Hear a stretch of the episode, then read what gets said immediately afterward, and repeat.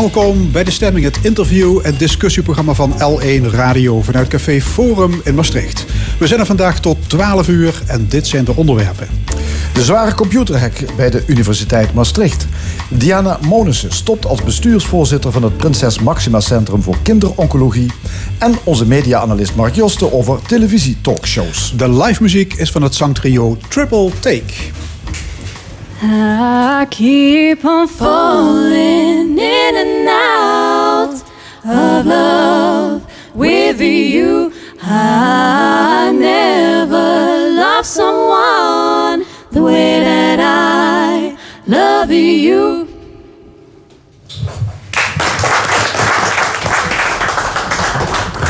Vlak voor de kerst werd de Universiteit Maastricht getroffen door een zware computerhack. Met zogenaamde gijzelsoftware werden alle digitale systemen platgelegd. Voor een universiteit met 18.000 studenten en 4.500 medewerkers een tamelijk rampzalige overval. Inmiddels is de zaak grotendeels hersteld.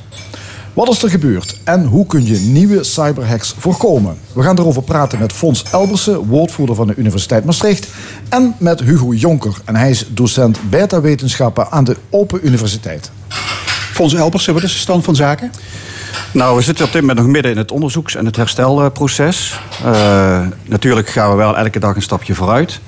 Hele essentiële systemen voor onze studenten en wetenschappers zijn weer in de lucht. Maar het zal nog zeker een, een, week en misschien nog wel iets langer duren voordat we alle systemen weer in de lucht hebben. Dus, okay, dus we zitten het lek is nog niet helemaal gedicht.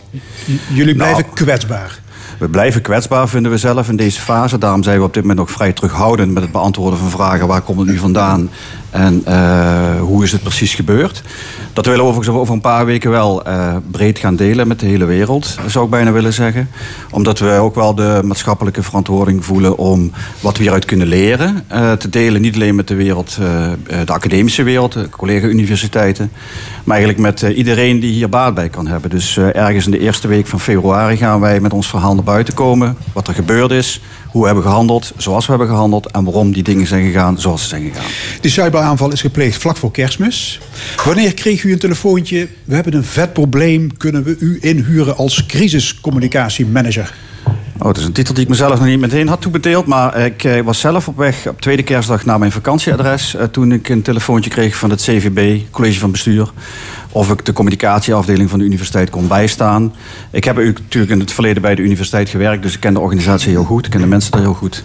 Dus uh, op tweede kerstdag ben ik gevraagd om, uh, om te komen helpen. Kunt u uitleggen wat de gevolgen zijn van zo'n hack? Nou ja, in technische zin uh, heb ik net gezegd, moet ik wat terughoudend zijn. Uh, maar in ieder geval uh, voor wetenschappers en studenten is het natuurlijk tamelijk desastreus. Weliswaar gebeurt zoiets in de kerstvakantie. Dus op zichzelf is de universiteit dan gesloten. Maar studenten die bezig zijn met een scriptie of met een volgende toets. de week van 6 januari was meteen weer een toetsweek. Ja, die konden als gevolg van die computerhack natuurlijk niet bij hun studiematerialen. Die konden niet uh, bij de bibliotheek terecht. Dus voor, voor die studenten was dat uh, tamelijk uh, vervelend. Ja. En ook voor onze wetenschappers natuurlijk, die kerstreces of niet ook gewend zijn om door te werken op, op momenten dat het hen schikt. En ja. voor hen geldt gold dat zij als gevolg van die computerhack niet meer bij de systemen komen. Die, overigens even, ik hoor net in de inleiding, die systemen zijn door onszelf uh, offline gehaald om in alle rust en veiligheid eraan te kunnen werken. Dus het is niet zo dat door als gevolg van de cyberaanval alle systemen zijn geraakt. Ja, maar het geeft wel aan hoe afhankelijk we zijn geworden van computers en digitale communicatie. Ja, ik denk dat het trouwens maatschappelijk overal is. Als ik alleen al gewoon kijk naar wat ik hier nu om me heen zie. Ja, ik kan me voorstellen als jullie zeg maar, daar niet over zouden kunnen beschikken, dan uh, houdt het voor jullie ook op. En dat geldt voor een organisatie als de universiteit ook. Maar ik denk voor heel veel organisaties inmiddels in, uh, uh, om ons heen. Ja. Hugo Jonker, u bent van de Open Universiteit. deskundig op het gebied van internet security. Het moment van de aanval, vlak voor kerst, is dat toeval? Ik denk het niet. Dus uh, het is hetzelfde als inbreken. Het is feitelijk inbreken. En je breekt liever in als het rustig is. Dat is hier volgens mij ook gebeurd. Ik kan over deze specifieke zaak natuurlijk niet zeggen, want er is nog niets naar buiten. Maar had ik het zelf zo gepland bij ergens anders, zou ik het ook zo doen. Want dan zijn er minder mensen die aan het opletten zijn. Ja. Dus dit is het werk van, laat ik zeggen, een criminele organisatie? Nou, wederom, van de specifieke aanval bij de UM kan ik niks zeggen, want die details zijn nog niet naar buiten. Nee, maar het is maar die mensen te doen om, om, om, losgeld. Daar, daar kunnen we vanuit gaan. Ja. Ja. In, in het algemeen wel. En na het betalen van de nodige bitcoins krijg je de sleutel om de boel weer op gang te brengen. Meestal. Meestal, ja. Ja, of er daadwerkelijk losgeld is betaald, krijgen we ook te horen begin februari. Ja. De zesde, als ik het wel heb. Ja, we zijn dan geven jullie over- volledige opening van Ja. zaken. Hè? Eh, kleine correctie. We zijn nu eh, aan het kijken om eh, de bijeenkomst op de vijfde te doen. Wege, eh, vanwege agenda, afstemmingen enzovoort. Dus we zijn zelfs nog van plan om het een dagje eerder te doen dan voorzien. Oké. Ja. Meneer Jonker, zou je ook kunnen zeggen... bekijk het maar met je losgeld. We kopen gewoon nieuwe software. Dat zou je kunnen doen. Er is van in Nederland, eh, de politie is onderdeel van een internationaal samenwerkingsverband om dit soort gijzelsoftware te ondermijnen en de benodigde sleutels te achterhalen, zodat je de systemen weer vrij kunt maken. Maar ja, dat werkt voor sommigen, maar niet voor allen. En ja, ik ben ervan overtuigd dat de Universiteit Maastricht wel contact heeft gehad. En helaas zal, zal deze er nog niet ingezet dus soms is het middel erger dan de kwaal. Eh, Soms, maar ja. Dus als je geluk hebt, dan zijn er andere manieren. Maar ja, iemand die een beetje professioneler te werk gaat, die zal een publieke instelling aan, willen aanvallen op een gunstig tijdstip, zodat er moeilijk is om mensen actief te krijgen om het tegen te gaan. Dat soort. Ja. Ja. dat lijkt wat er hier gebeurd is. Volgens Elbers is er rekening gehouden met zo'n, met zo'n aanval. Lag er een cybercrisis draaiboek in de kast? Of misschien wel in de computer waar jullie niet aankwamen? Ja. Nou kijk, een universiteit bereidt zich altijd voor eh, op allerlei zaken rond, eh, rond eh, digitale veiligheid. Het probleem is natuurlijk een beetje, en dat heb ik de laatste week ook vaak proberen uit te leggen namens de universiteit, dat een universiteit ook een hele specifieke opgave heeft, namelijk een open, transparante manier voor studenten en wetenschappers een omgeving creëren waar je juist heel erg goed met de buitenwereld kunt communiceren. Dus, maar goed, eh, dat laat onverlet dat je een goed crisiscommunicatieplan in de kast hebt liggen voor het geval dat. nou, in ieder geval, ik moet zeggen dat ik zelf vanaf het moment dat ik bij betrokken was, eh, de manier waarop de universiteit deze crisis heeft getackeld, eh, daar was ik wel van onder de indruk in ieder geval. Ik kwam, toen ik daar binnenkwam, na twee dagen zat er al een goed geoutilleerd crisismanagementteam, eh wat op deze specifieke situatie in ieder geval heel goed heeft geacteerd. Ja, want, want hoe gaat dat? Ik, ik neem aan dat de ICT-afdeling wordt opgetrommeld. En Ja, die dit- worden wegge- weggeplukt voor de kerstdis. Maar je hebt Ja. ook hoog gekwalificeerd nodig. Neem ik aan. Ja, nou, je hebt eigenlijk iedereen nodig. Iedereen. Ja, want het is niet alleen een ICT-probleem. Je moet natuurlijk ook kijken dat... eh, op een gegeven moment heeft de universiteit gezegd... we willen heel graag op 6 januari weer het onderwijs laten starten. Die ICT-systemen die zijn nauw verweven met je werkprocessen. En als dat normaal gesproken allemaal goed loopt... dan heb je een heel goed geoliede machine.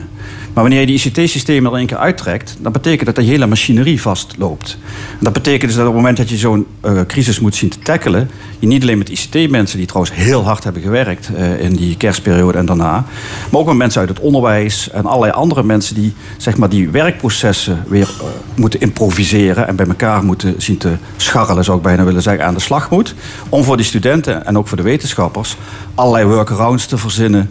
We hebben besloten om extra herkansingen te gaan eh, eh, programmeren... voor studenten die in de problemen kwamen. Een coulance-regeling is in het leven geroepen. Dus je hebt heel veel mensen nodig, niet alleen de ICT-mensen... eh, om dat probleem te tackelen. Dus wat je zag in de loop der tijd... dat het crisismanagementteam, wat geleid wordt door de vicevoorzitter van de universiteit, Nick Bos, eigenlijk steeds meer mensen liet opkomen om niet alleen het ICT-vraagstuk op te lossen, maar ook alle andere daaronderliggende werkprocessen. Dus op een gegeven moment. hoogtepunt, hoeveel mensen zijn aan de slag? Nou ja, ik denk dat. eh, ja, nu langzamerhand is iedereen weer aan de slag. Maar ik denk op het hoogtepunt van eh, de, de echte crisismanagementperiode. Dus zeg maar, voordat de universiteit echt open ging op 2. eh, De gebouwen gingen op 2 januari weer open. Zeker 100, 120 mensen bezig waren. En dat is dag, allerlei dag en doorwerken, slaapzakken, Vrijwel. eten van de Chinees. Nou, dat eten van de Chinees, eh, dat heb ik zelf niet gezien. Wel hele goede broodjes van de, de uitstekende zaken die hier in Maastricht zitten. Eh, niet dag en nacht doorwerken, want je moet wel ook het evenwicht vinden tussen de maxi maximale belastbaarheid van je mensen en zeg maar ook nog steeds een goed werkgever zijn. Maar er werd wel heel hard en heel lang doorgewerkt. Ja. En dan krijg je veel pers op je dak, radio, televisie, kranten. Hoe kijkt u terug op de contacten met de media? Ja, dat is een hele generieke vraag. Dat vind ik heel moeilijk te beantwoorden. Ik bedoel, er zijn media die doen uitstekend hun werk. En die, eh, die werken, zeg maar, eh, zoals ik het eh, als oud-journalist ook zou hebben gedaan. Je hebt tegenwoordig ook media die wat sneller en wat vluchtiger werken. Dus de En, kwaliteit van de berichtgeving was, laat ik zeggen, wisselend. ja, maar ik moet zeggen, ik ben niet ontevreden over de. je merkte ook bij de, bij de media wel een, een onderstroom van God, wat de universiteit nu is gebeurd, dat heeft ze zelf vast nooit gewild. En ik wil niet het woord welwillend eh, in de mond nemen, want dat is richting journalisten altijd, eh, dat vinden ze niet zo fijn om te horen. Maar ik heb niet veel. ehm, ja, zeg maar zeggen, veel onbegrip ontmoet in, eh, in mijn contacten met hen. Ja. Hugo Jonker, was, het, was de Universiteit Maastricht het doelwit van die criminelen... of gaan ze te werk volgens die zogenaamde sleepnet-methode? Wat denkt u? Mijn inschatting zou zijn eh, dat ze een wijd sleepnet hebben uitgegooid. Waarschijnlijk ook eh, door middel van bijvoorbeeld phishing-e-mails. En waarschijnlijk ook daarmee mensen hebben of instellingen hebben bereikt in het buitenland. Dus niet eens alleen specifiek Nederland. Ehm, zodra ze iets gevonden hebben, eh, mijn inschatting wederom is, dan gaan ze kijken waar, hoe ver kunnen we komen en wat voor instelling lijkt dit. Kortom, als dit succesvol is, hoeveel losgeld kunnen we, zouden we dan kunnen losweken? Dus er hoeft maar één onoplettende computergebruiker phishing mail te openen en het is bingo. Zodra er één onoplettende computergebruiker een, zo'n mail opent, dan kom, komen de volgende verdedigingslinie van de instelling aan bod. Ja. En ja, dan, maar heeft daar het gaan vergeleken met een, met een branddeur. Ja, precies. Eh, het is net als iemand die probeert brand te stichten. Eh, als je dan branddeuren hebt en je doet de branddeuren dicht, dan blijft de brand in een klein stukje. Nou ja, dat, dat is de bedoeling. eh, zo zijn systemen typisch ingericht. Aan de andere kant. goed, dat is wel de, de vraag. Ja. Waren er voldoende branddeuren, denkt u? Ik- Met andere woorden, was de Universiteit Maastricht voldoende beveiligd? De hamvraag. Kijk, op, op een heel simpele manier, ehm, er is iets misgegaan. Anders zaten we hier niet. Dus wat dat betreft, de beveiliging had, had ja, de beveiliging schoot tekort om deze aanval tegen te houden. Ehm, is dat nu kwalijk? Is dat te wijten? Nou, dat weet ik niet, want ik weet niet hoe die instelling zit. Ik ben ervan overtuigd dat de Universiteit Maastricht absoluut van die branddeuren heeft. Aan de andere kant, dit is niet een gewone brand. Dit is een brand waar, waar de pyromaan bij staat met een jerrycan en een aansteker en probeert hem verder te sturen. Nou, dat is hier ongetwijfeld ook gebeurd. En ja, hoe goed is je branddeur dan? Ja, maar je bent het dus eens met de Nationaal Coördinator Terrorismebestrijding en Veiligheid. Niet de eerste de beste. Die zegt, dit had eigenlijk niet mogen gebeuren. Met goede Nee. backups, gescheiden systemen en goede updates van software... ben je hier niet kwetsbaar voor. Nee, ik ben het niet met hem eens. Nee. Nee, dus... ehm, Maar u zei toch net van, dit had toch eigenlijk voorkomen... Nee, dit, dus er zijn maatregelen en die heeft de UM ongetwijfeld genomen. En die hebben alle publieke instellingen in Nederland ongetwijfeld genomen. Op het moment dat zo'n crisis uitbreekt, dan kom je erachter hoe goed zijn die maatregelen en hoe goed zijn de aanvallers die die maatregelen proberen te omzeilen. Frans Elbersen? Nou, kijk, op wat eh, de eh, die, eh, beste man heeft gezegd over de UM, daar wil ik even niet op ingaan. Maar hij heeft nog iets gezegd. En dat vind ik wel dat hij daar een punt heeft. Hij heeft in datzelfde interview ook gezegd... en de rest van de publieke sector in Nederland... wees op uw hoede. Want ik denk, dus dat zei de Nationaal Coördinator... dat we daar eh, heel erg kwetsbaar zijn. En ik denk dat dat zo is. Ik heb dat niet Maar, voor... maar, maar leg eens uit, waarom zijn publieke instellingen... dan hebben we het over ziekenhuizen, scholen... waarom zijn die extra kwetsbaar voor cyberinstellingen? Nou, ik heb er niet zoals eh, meneer Jonker voor doorgeleerd. Maar mijn, eh, ik heb wel in een aantal van die sectoren gewerkt. Ik denk dat die sectoren ook vanwege de financiële restricties die er zijn vanuit de Rijksoverheid. Ze kunnen een euro maar één keer uitgeven bij zo'n zorginstelling of een onderwijsinstelling. Daar zie je dus dat. eh, eh, de budgetten die er zijn om, eh, om je te beschermen. En dan heb ik het nu echt over de publieke sector, niet specifiek over de UM. Ja, die zijn er niet op gericht om zeg maar, maximale cybersecurity tot nu toe zeg maar, te bewerkstelligen. Precies. En daar waar de, daar de coördinator het heeft over een wake-up call, denk ik dat de Universiteit Maastricht zich dat heus wel zal gaan aantrekken. Maar ik denk dat deze wake-up call eigenlijk is voor alles wat in Nederland met een, met een, digitale, een digitale structuur werkt. En zeker in de publieke sector. Dan denk ik dat, eh, dat is mijn lekenopvatting, eh, maar ook wel een beetje getoetst de laatste weken. En ook in mijn eigen netwerk waar ik zo al gewerkt heb. Dat er nog best wel wat kwetsbaarheden zijn. En ik denk dat de ontwikkelingen op dit moment rond cy- cybercriminaliteit zodanig zijn dat we ons daar enorme rekenschap voor moeten geven. Het is niet voor niks dat bijvoorbeeld ook in het conflict Iran en de Verenigde Staten op een gegeven moment een bericht zag van dat de Iraniërs misschien niet zozeer met raketten wilden gaan vergelden, maar met een grootscheepse cyberaanval. Dat is wel waar we tegenwoordig in zitten met elkaar. En daar is denk ik iets wat ook op de politieke agenda eh, zou kunnen horen. Hugo Jonker?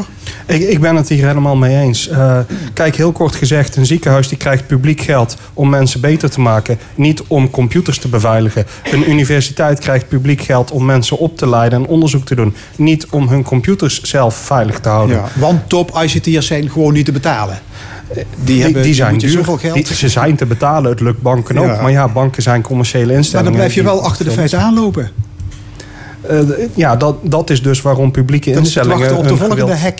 het is een, een, een, een goed doelwit. Nou, het is, het is een wacht op de volgende hek. Behalve wanneer we het zien als iets wat breder is dan alleen wat in Maastricht is gebeurd. Nogmaals, zonder dat de UM voor de verantwoordelijkheid wil weglopen. Hoor. Echt niet. Dat zullen we zo over een paar weken ook echt... eh, echt die verantwoordelijkheid zullen ze wel nemen. Maar ik denk dat ook in, eh, in Den Haag en misschien wel internationaal... dit thema meer aandacht verdient dan het tot nu toe heeft gekregen. Oké.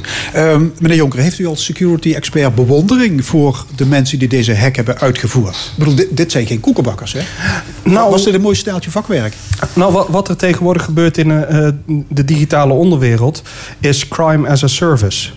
Je kunt gewoon een crimineel op bestelling nemen. Dus je kunt iemand inhuren die voor jou phishingmail stuurt. Je kunt iemand inhuren die van, vanaf daaruit, als die één keer binnen is, kijken hoe die verder komt. Je kunt, je kunt alles inhuren. Dus ja, in hoeverre dit is, ik heb op een of andere eBay-achtige markt een paar dingen bij elkaar geklikt. En in hoeverre hier echt kennis en kunde van de mensen die het losgeld hebben ontvangen echt achter Nee, maar het zijn geen jongetjes op een zolderkamertje. Het zijn geen jongetjes Ja, op een Zou u deze hack ook kunnen uitvoeren met uw expertise? Eh, daar zou ik eh, behoorlijk hard voor moeten werken. Ik zou, dat hier, ik zou dat hier ook niet vertellen als ik eh, meneer Jonker was. Fons Elbersen, u heeft eh, privé ook een computer. Heeft u een extra eh, antivirusprogramma besteld? Die, had, die zat er al op. Die zat er al op. Ja. Dat is heel Jonker, is, verstandig. moeten particulieren ja, zich meer bekommeren om hun eh, digitale veiligheid? Ja, ehm, eh, laat ik het zo zeggen. Stel je voor, als luisteraar, dat op dit moment eh, je computer in de brand schiet. Wat ben je dan kwijt? Hoe, hoe groot probleem is dit voor de rest van je leven? Nou, als het een groot probleem is, zorg ervoor dat, je, ja, dat het een minder groot probleem wordt. Ga backups maken, installeer een virusscanner, installeer een firewall, dat soort dingen. Maar vooral backups. Oké, tot slot. Ehm, ik heb het gevoel ja, dat we in de nabije toekomst nog veel meer zullen gaan horen over dit soort cybercriminaliteit. Mee eens? Ja, ik denk, ja, wat, ik net, ik, wat ik net heb gezegd, ben ik het daar helaas mee eens. Behalve wanneer we op de een of andere manier dit onderwerp zo hoog op de agenda weten te krijgen, maatschappelijk, dat we ons er beter tegen kunnen wapenen. Maar als we het alleen van incident tot incident blijven bezien, dan zou je wel eens gelijk kunnen hebben. Ja. Ik, ik weet het niet zeker. Deze bendes opereren internationaal. Eh, Nederland is digitaal niet slecht. Dankzij dit incident k- eh, zijn alle publieke instellingen gewaarschuwd. Neem extra maatregelen. Ehm, het zou goed kunnen dat in een ander land in Europa... eh, dan eh, ja, een interessanter doelwit wordt. Ja, helemaal laatste vraag. Er wordt gezegd, je moet die criminelen niet betalen, anders hou je het verdienmodel in stand. Je houdt dan het verdienmodel in stand, maar voor een bedrijf is dit misschien toch bedrijfseconomisch gezien eh, de meest aantrekkelijke afweging. Hartelijk dank. Hugo Jonker van de Open Universiteit en Fons Elbersen van de Universiteit Maastricht. Dank jullie zeer. Ja, een eh, triple take maakt vandaag de muziek in de stemming. Drie meiden hier op het podium. Roxanne, Antonia en Marloes. Drie stemmen gezang. En Roxanne die begeleidt ook nog op gitaar. Eh, Marloes, een jaar geleden waren jullie ook te gast hier bij ons. Eh, inmiddels al veel opgetreden dat jaar. Eh, helaas nog niet echt. Ro- Roxanne was ook een tijdje in het buitenland. Ehm, dus, eh, maar we hebben nu wel een Instagram-pagina waarop we stukjes zetten. Ehm, we heten Triple Take, maar de Insta is at Take Triple. Dus voor iedereen die geïnteresseerd is. En wij willen wel in de nabije toekomst meer op gaan treden in cafeetjes of trouwerijen of een beetje als achtergrondmuziek. Ehm, dus eh, wie geïnteresseerd is en wie luistert. Wa- wa- waarom moeten ze jullie eh, bellen? Wat, wat is er zo leuk aan triple take? Ik zou zeggen, luister maar. maar ja, ehm, eh, ik denk dat wij een hele... onze stemmen passen heel goed bij elkaar. En ehm, eh, we kunnen ook heel veel verschillende nummers doen eigenlijk. We geven ons eigen draai aan. Het is gewoon een gitaar en drie stemmen. Dus, En een jaar geleden, al, toen vertelde je dat jullie ook van plan waren om eigen nummers te gaan schrijven en uitvoeren. Hoe staat het daarmee? we hebben één nummer geschreven. Ehm, wel eh, ben ik bijvoorbeeld de ukulele erbij gaan spelen. Dus eh, we gaan in de toekomst wat meer muziekinstrumenten ook toevoegen.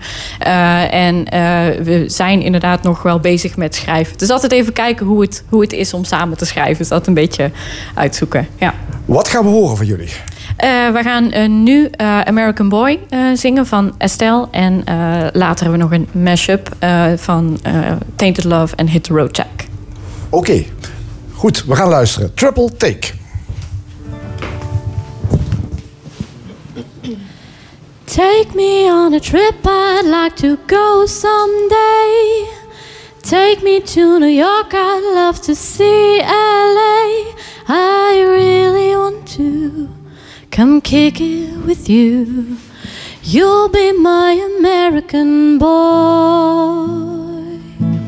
He said, Hey sister, it's really, really nice to meet ya. I just met this five foot seven guy who's just my type.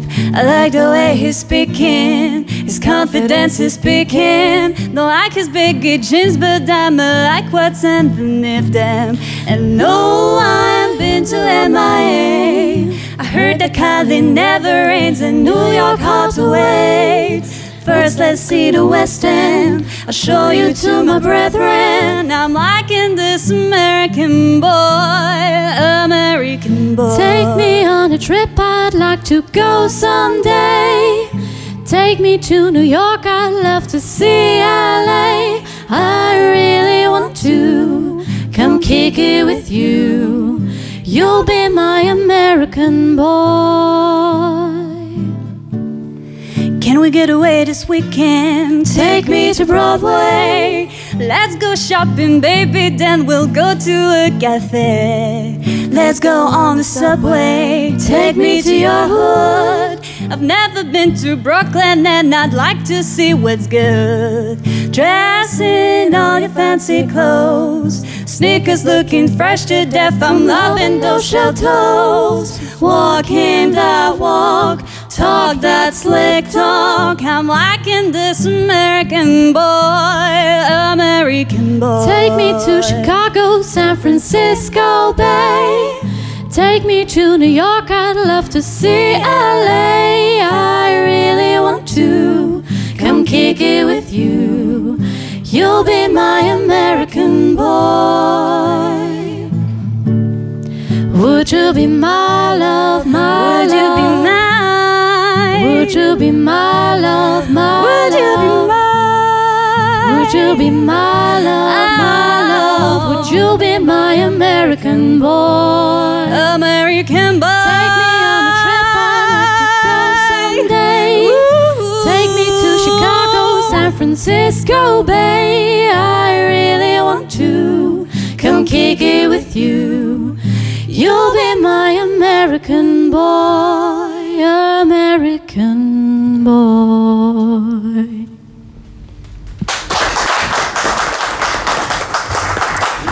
Het zangtrio Triple Take live in de stemming van L1. Diana Monissen neemt binnenkort afscheid van het Prinses Maxima Centrum in Utrecht. Als voorzitter van de Raad van Bestuur heeft ze jarenlang hard geknokt voor de bouw van dit nationale centrum voor kinderen met kanker. Daarvoor had Monissen leidinggevende functies bij zorginstellingen, bij het ministerie van Volksgezondheid en bij zorgverzekeraars. Alle reden dus voor een gesprek met deze topvrouw in de Nederlandse gezondheidszorg. Ja, goedemorgen. Goedemorgen.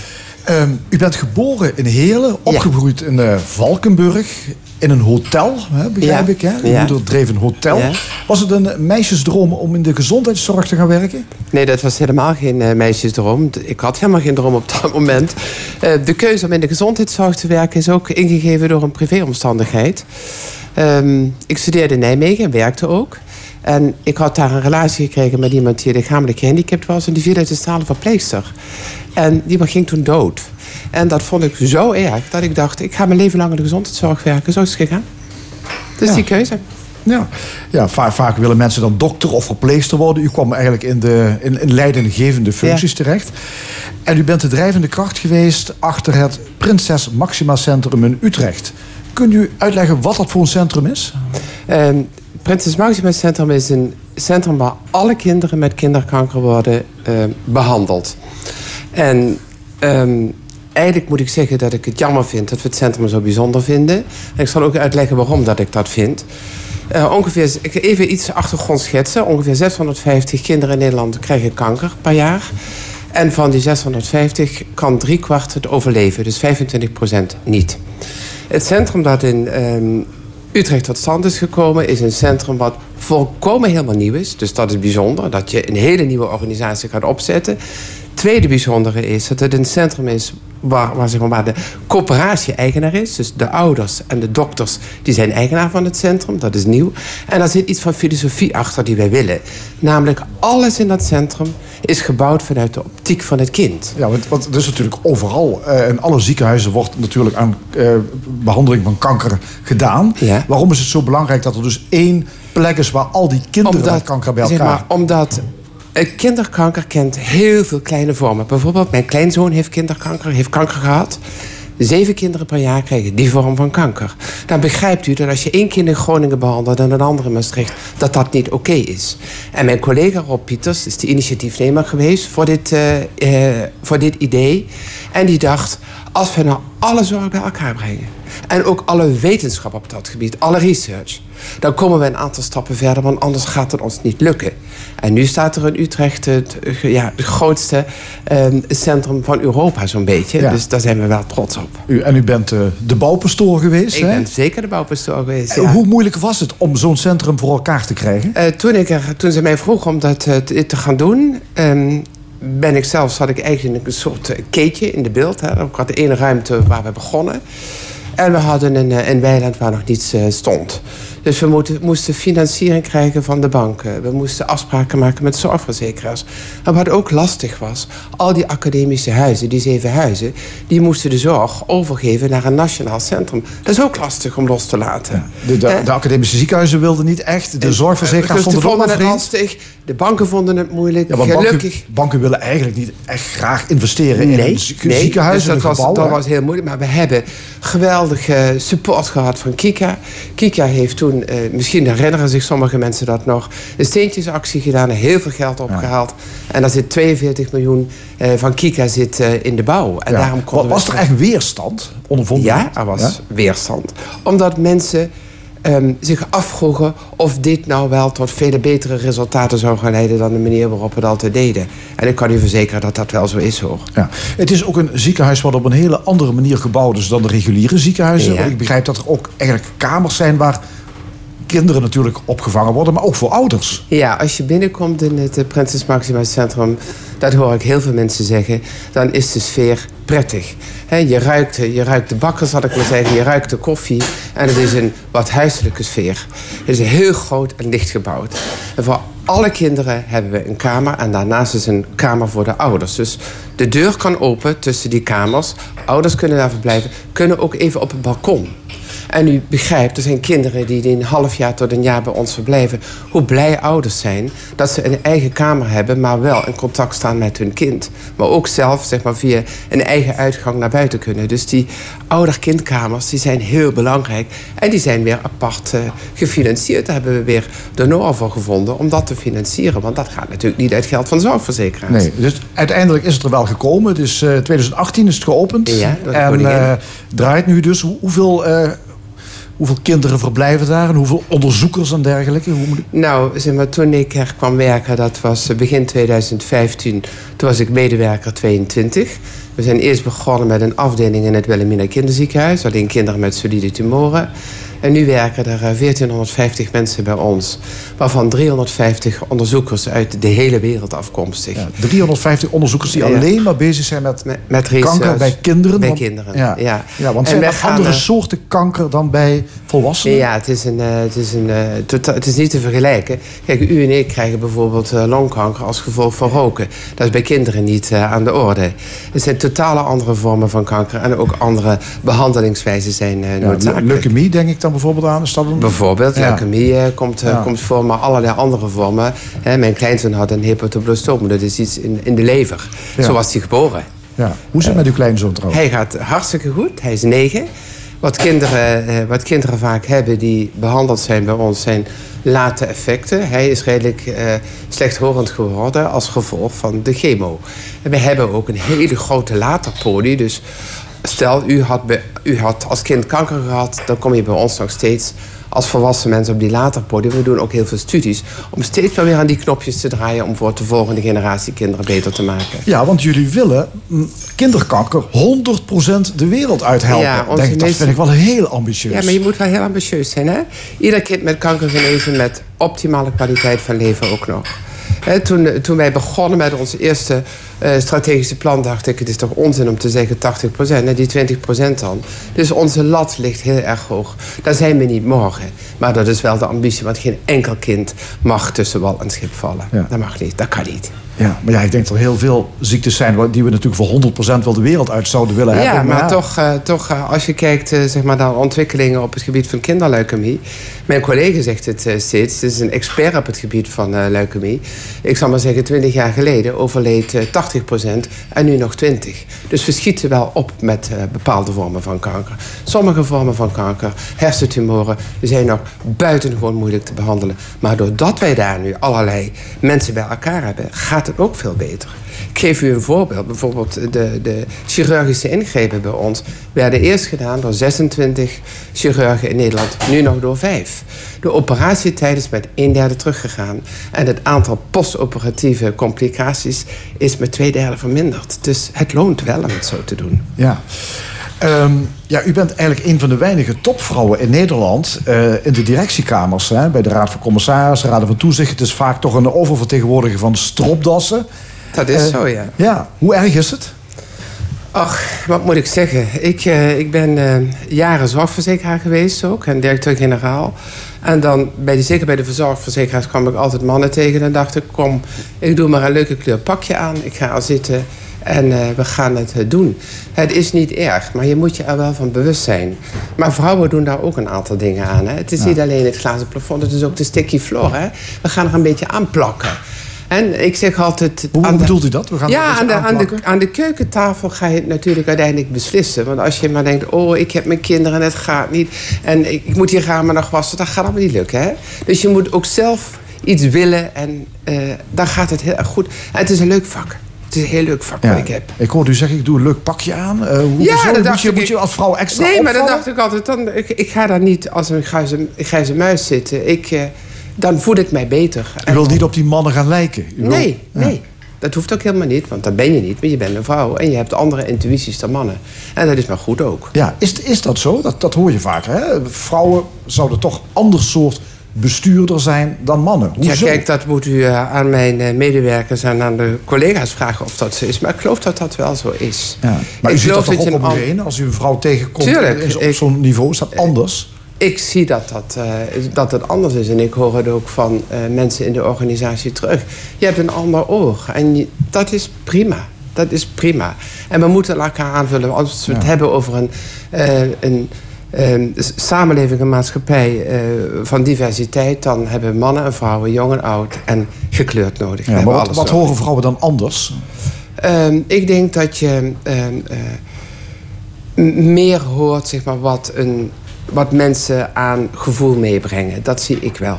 Dat zie ik echt. Je hebt een ander hart dan dat mannen hebben. Ja. Dat is niet Groter invoelend vermogen? Ik denk het wel. Ja. Uh, beursgenoteerde bedrijven die moeten in hun raad van commissarissen straks uh, 30% vrouwen hebben, hè, het vrouwenquotum. Uh, in de rest van de bedrijven is dat er natuurlijk nog niet. Zou, zou dat verder, strikter doorgevoerd moeten worden? Ja, dat vind ik wel. Ik ben zelf commissaris in een beursgenoteerd bedrijf in, uh, in Brussel. Een groot beursgenoteerd bedrijf. Uh, daar uh, zeg maar, is de verhouding echt 50-50. En ik merk dat dat buitengewoon uh, plezierig gewerkt is, ook internationaal. En ik denk, ik ben al jaren voor een vrouwenquotum, want dan schiet niet op hè, in dit land. Want twintig jaar geleden was ik al voorzitter van Vrouwen Hogerop, uh, Vrouwen in de Top. Schoot ook niet op. Dus zo'n quotum is prima, lijkt mij. Ja. Dan worden we wakkerder.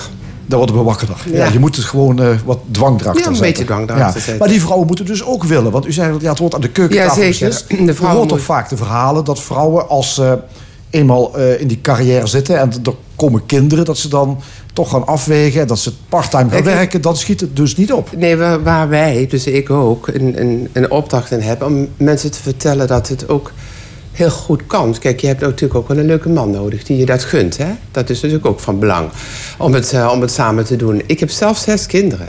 Ik weet nog dat ik toen ik directeur-generaal werd... en de chauffeur kwam me ophalen, die vroeg aan mij... mevrouw, heeft u kinderen? En die dacht ik zou zeggen nee. Dus ik zes. En die lachte zich te pletter. En toen de dag daarna kwam hij zijn excuses aanbieden... zei hij, sorry, sorry, het is toch echt waar. Hij had even gegoogeld of het klopte. Ja, ik had nagevraagd. Maar het kan wel. Ja. Het kan wel. Het is ook je drive. Het is ook je passie. Je moet iets willen bereiken. Ja, maar vrouwen hebben dan blijkbaar eerder dat schuldgevoel... dat ze die zes Ja, kinderen ja, dan, dan achterlaten. ja. Ik liet ze niet achter. Tuurlijk niet. Het zijn allemaal probeer- hele leuke probeer mensen het u nog even in te hoor. wrijven. Ja. ja. Eh, wat is de kracht van uw leiderschap? Ehm, wat ik altijd hoor van mensen is dat ik enthousiast ben. En van de week zei mijn collega, ik had een soort, we hadden een, een, een nieuwjaarspeech en mijn collega hield ook een speech. Enorm veel energie en doorgaan eh, tot het gaatje. Want anders was Maxima daar ook niet gekomen. Doorgaan tot het gaatje. Ja. In 2006 was u te gast in een eh, VPRO-programma, Tegenlicht. Eh, ik zag daar een, een, Oh. een diner waar Ja. u aanschoof. Ja. Het ging over vrouwen aan de top. Ja. En toen zei u, het gaat er helemaal niet om om het allemaal heel groot te maken. De goede dingen goed doen. Dat is het beste. Ja, dat vind ik ook. Ja, de goede dingen goed doen. Dus iedere keer als je... Toen ik bij het Maxima gevraagd werd om dit te doen... dacht ik, dan is dit ook mijn focus. Dan moet ik daar ook niet van afwijken. En ik kan u zeggen, ik heb een lange carrière... bij Prinses Maxima heb ik echt een paar keer gedacht... ik doe het niet meer. Met al die weerstand. Maar dan dacht ik weer waarvoor ik het deed. Waar doe ik het ook weer om? En toen dacht ik, ja, dan moet ik doorgaan. En dan moet ik dat ook goed doen. Ja, ik hoor u zeggen focus. Je moet dus, Focus. Ja. Focus hebben, ja. En blijven hebben. Je je daar niet van af laten leiden. En eh, af en toe dan thuis maar een beetje mopperen. Of eh, wat ik doe is heel veel gaan wandelen. En dan gaat het ook wel goed met me. Ja. U gaat stoppen hè, bij het eh, Ja. Maxima Ja. Centrum, eh, Prinses Maxima Centrum. Eh, waarom?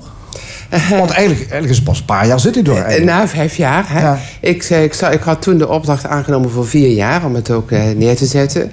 Toen ging Hans Klevers, mijn collega, die ging na vier jaar weg. En toen vroeg de Raad van Commissarissen, kun je langer blijven? Toen heb ik dat gedaan. Dat is maar goed ook, want daardoor heb ik een goede financiële basis voor het Maxima eh, kunnen bereiken. Maar ik wil ook nog andere dingen doen in mijn leven. Want ik word ook wel 65, zo is het ook. Dus ik wil en meer hebben voor mijn kinderen. Ik wil me geweldig gaan inzetten eh, tegen roken. Hè. Ik zit in een club die roken de wereld uit wil bannen. Ik ben betrokken, eh, zeg maar in allerlei wetenschappelijke commissies over kindermishandeling. En ik wil ook nog dingen gaan doen die ik leuk vind. Ik ga imker worden. Ik ga echt eh, mijn kennis over bomen vergroten. Dus ik ga van alles doen. Ja, u gaat eh, met, met bijen aan de slag. Ja, ik ga met bijen aan de slag. Maar eh, roken, hoorde ik u zeggen. Ja. Trouwens, zo'n imker moet hij ook niet roken.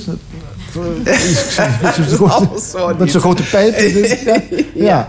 Nee, maar... Maar, roken, ja, de, ben roken nog- de wereld uit, dat Ja. is een, eh zal ik maar zeggen, net als kinderkanker, 100% ook roken. Ja, dat is een missie. Ja, we hebben een, eh, eh, een stichting Eindspel eh, Tabak opgezet. En ik hoop dat we ertoe kunnen komen dat er op enig moment een wet is... die van een, op een bepaald moment de generatie die daarna komt verbiedt om te roken. Een wet En- die, die, Ja. die mensen verbiedt om te roken. Ja, kinderen, die, Kinderen? die, die dan gaan opgroeien, dat die niet meer kunnen roken. Kijk, u vindt het nu ook gewoon dat hier niet gerookt wordt in dit café. Ehm, toen ik directeur-generaal was, is dit ingevoerd. Dat zal zijn geweest, eh, zou maar zeggen, tien jaar geleden.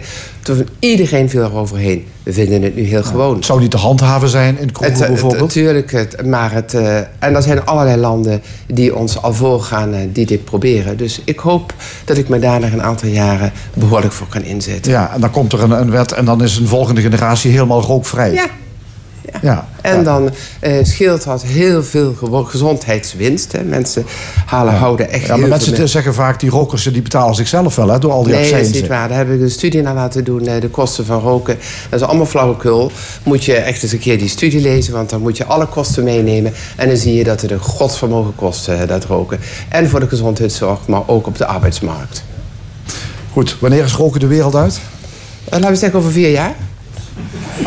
Oké, dan eh, kom je Ja. terug. Ja. Dank u wel, Diana Monissen. Zo dadelijk in de stemming onze media-analyst Mark Josten. Hij gaat het hebben over journalistiek bij de landelijke publieke omroep... naar aanleiding van alle talkshow-reuring. Maar eerst het driestemmige trio Triple Take. Ze gaan voor u zingen een combinatie van Tainted Love en Hit the Road Jack. Triple Take.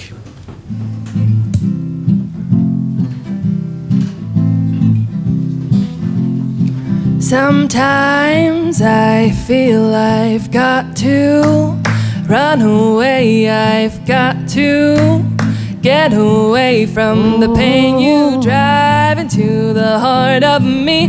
The love we share it seems to go nowhere. And I've lost my light. For I toss and turn, I can't sleep at night. Once I ran to you, Oh, now I run from you. This tainted love you've given, I give you all a boy could give you. Take my tears, and that's not nearly all. tainted love. Oh, oh, oh, oh. tainted love. Now I know I've got to run away. I've got to get away. You don't really want any more from me to make things right. You need someone to hold you tight, and you think love is to pray. But I'm sorry, I don't pray that way. Hit the road, Jack, and don't you come back no more, no more, no more, no more. Hit the road, Jack, and don't you come back no more. Hit the road, Jack, and don't you come back no more, no more, no more, no more. Hit the road, Jack, and don't you come back no more. Woman, don't treat me so mean. You're the meanest old woman that I've ever seen.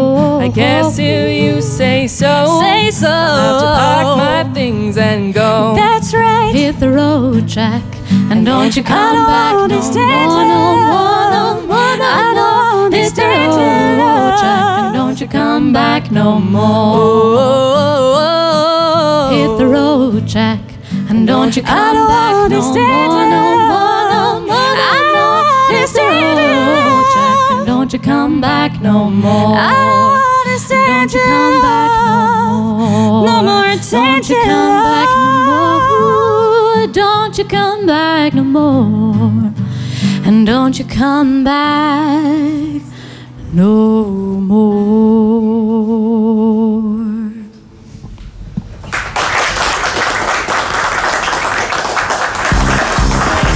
De Analist. Vandaag met media-analyst Mark Josten. Dag Mark. Ja, goedemorgen. Ja, ook in 2020 ga je voor ons mediazaken uitdiepen en duiden. En vandaag wil je het hebben over talkshows op de televisie. Waarom wil je het in godsnaam hebben over talkshows? Ja, dat dacht ik ook toen ik eh, met jou erover begon. Maar kijk, je kunt met dingen waar je een enorme aversie tegen hebt, kun je twee dingen mee doen. Je kan het helemaal doodzwijgen, was een optie geweest. Het andere is dat je je ergens niet onder stoelen of banken steekt. En ik heb voor het laatste gekozen. Ja, de talkshow is zo'n beetje het, het journalistieke gezicht van de publieke omroep geworden. Maar in feite is het, is het infotainment. Ja. Eh, waarom is het infotainment en geen journalistiek? Nou, kijk, in strikte zin kun je van een talkshow kun je natuurlijk journalistiek maken als je het echt wil. En er zijn natuurlijk ook wel voorbeelden geweest in het verleden van echt strikt journalistieke talkshows. Het gaat erom, wat is een talkshow inmiddels geworden? En zeker ook in, in Nederland. Dat is een programma geworden met af en toe een journalistiek element. Maar voor de rest heel veel zaken die een soort hybride zijn tussen journalistiek en amusement. En daar zit vooral mijn enorme irritatie. Mijn irritatie zit erin dat eh, mensen die totaal onoordeelkundig zijn, dat die over dingen kunnen oordelen. Een voorbeeld, ik heb afgelopen week, heb ik, eh, heb eh, ook om het nog eens even wat beter bij te houden dan normaal, met het oog op dit programma, elke avond naar dat eh, op één gekeken. Nou, dat was een opgave, kan ik je zeggen. Maar goed, los daarvan, wat je daar ziet. Frans Bauer, die moet op een bepaald moment zeggen wat hij van IS vindt. Ehm, misdaadverslaggever Peter R. de Vries werd gevraagd op het moment dat er een vliegtuig eh, eh, neerdonderde in eh, Iran. of hij wist wat de oorzaak was. Misdaadverslaggever. En uiteindelijk onze Peter Kom van het dak af Koelewijn. die werd gevraagd wat, wat we zoal van de bio-industrie moesten vinden. Nou, dat is echt iets. Daar, daar word ik gek van. Ik zit samen met de hoofdredacteur van het journaal in een commissie die de publieke omroep moet vrijwaren van nepnieuws. Nou, zolang wij dit soort flauwekul, dit soort nepdeskundigen een podium geven, wordt het heel moeilijk om, om zelf met een stevig verhaal te komen. En waarom zeggen die gasten niet op die vraag... ik heb geen idee, ik weet het niet? Ja, dat, dat Dan- lijkt me voor de maar- dan leg je, met- dan leg je de verantwoordelijkheid bij die gasten. En ik vind... eh, kijk, Jij geeft ook geen antwoord op een vraag waar je van denkt van waar gaat dit over? Nee, maar kijk, dan vind ik... Nee, dat klopt. Maar kijk, eh, het hangt ervan af wie je uitnodigt. Kijk, ik ga het Frans Bauer niet kwalijk nemen... dat hij niet weet of hij ergens wel of niet een antwoord op moet geven. Ik vind het de verantwoordelijkheid van een hele ervaren programmamaker... sterker van een publieke omroep... van een heel belangrijk instituut in dit land... om uit te maken van welke mensen kiezen wij uit... om over belangrijke feiten oordelen te geven. Kijk, als, ik, als het over kinderkanker gaat... vind ik het fijn dat ik hier de bestuursvoorzitter... van het eh, Koningin Maxima ziekenhuis daarover hoor. Ik hoef niet Frans Bauer daarover te horen. Maar je hebt dus een hekel, laat ik zeggen, aan die vermenging van journalistiek en amusement. Jij zegt, maak of een journalistiek product, of een amusementsprogramma, maar maak geen vermenging van die Geen twee vermenging, genres. exact. Nee. En waarom gebeurt dat dan toch? Is Nou, het omdat de kijker dat misschien in hoge mate op prijs stelt? Nou, kijk, die, die, die kijker, die, die... Nou ja, ik denk dat de kijker... wordt de, de kijker, de kijker borreltafelniveau wordt het dan een beetje. Het café praat, dat is misschien ook de bedoeling van die makers. Ja. Niet de, En er, niet is de niks, highbrow. en er is ook niks tegen een café en er is ook niks tegen niet de highbrow.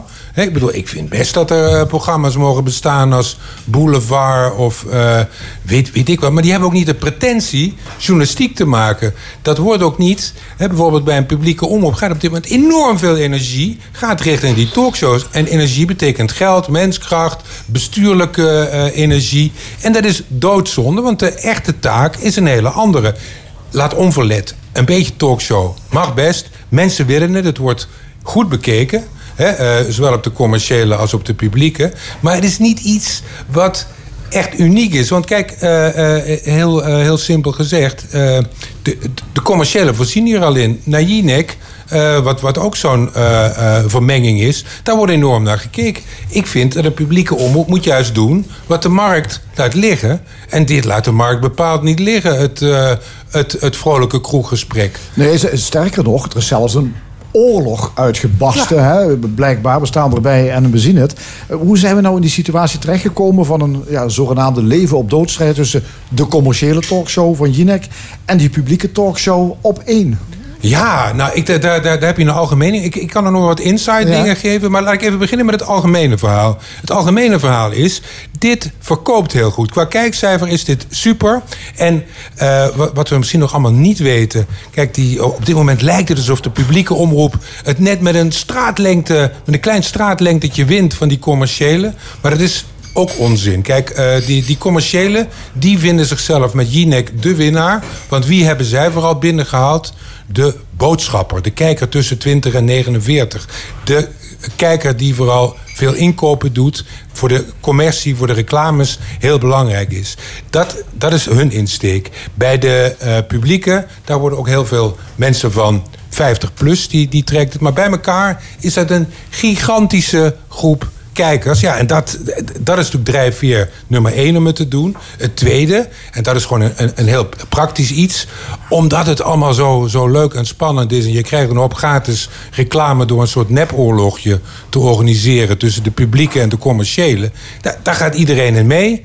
Ehm, op een bepaald moment eh, eh, ehm, was Eva Jinek, en nu kom ik aan de reconstructie toe. Eva Jinek, dat was echt de tophit van de publieke omroep. En die wilde wat vroeger gaan uitzenden. Die wilde naar half elf toe in plaats van elf uur. Nou, daar werd alles voor gedaan. Daar werd alles voor omgezet. Er werd zelfs Nieuwsuur, de grote rubriek op NPO 2, de andere zender... die echt journalistiek is, die werd daarvoor vervroegd. Het aantal documentaires werd teruggedraaid. Dus er werden echt journalistieke offers gebracht... om dat Jinek te laten shinen om half elf op het andere net... En hey, toen dat allemaal georganiseerd was, deze zomer was het zover... toen liet Eva Jinek opeens weten... jongens, ik stap over naar de, naar de commerciële, toedeledokie. Nou, toen zaten ze dus ook voor een gigaprobleem. En in plaats van toen te zeggen van... nou, laten wij dan wat heel anders doen dan talkshows... laten wij juist doen waar we goed in zijn, journalistiek... is er gewoon is gewoon gezegd van nee, laten we toch maar kijken hoe we die strijd met eh, die opstappende Eva aan kunnen gaan. We houden, eh, eh, we houden dat tijdstip van half elf aan. We houden die kaalslag van de journalistiek in stand.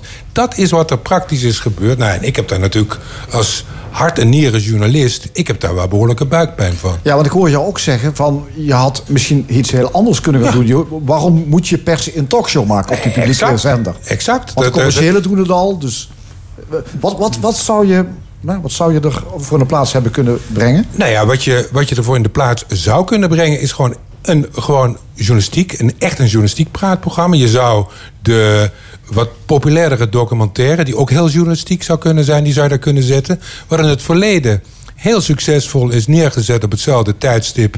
is een heel actueel biografisch programma... waar je eh, biografieën van mensen uitzendt... precies op dat eh, tijdstip. Er zijn ook een klein miljoen mensen ooit mee bereikt. Vind ik al veel meer passen bij het publieke profiel van, eh, van de publieke omroep. Ja, een journalistiek praatprogramma, hoor ik Ja, jou zeggen. ja zeker.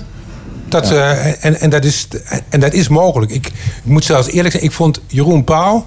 ook die had eh, een, aantal van die, van die eh, vermengingsonderwerpen. Maar die was toch nog een tikje journalistieker dan wat er nu gebeurt. Die had in ieder geval ehm, de, hoe moet ik zeggen, de, die nam zichzelf de journalistieke vrijheid door boven die formats te staan. Ik weet niet of je afgelopen week gekeken heeft. Die ziet dat welke presentator er ook komt, alles lijkt op elkaar. Omdat het, de formule van het programma is veel sterker dan de presentator. Het is alsof je een, eh, iedere avond een andere kroegbaas hebt, maar eh, er verandert niks. Je hebt iemand nodig die echt het gevoel geeft: ik, ben, ik sta achter de, achter de bar en ik ben die kroeg. En dat had die Pauw wel.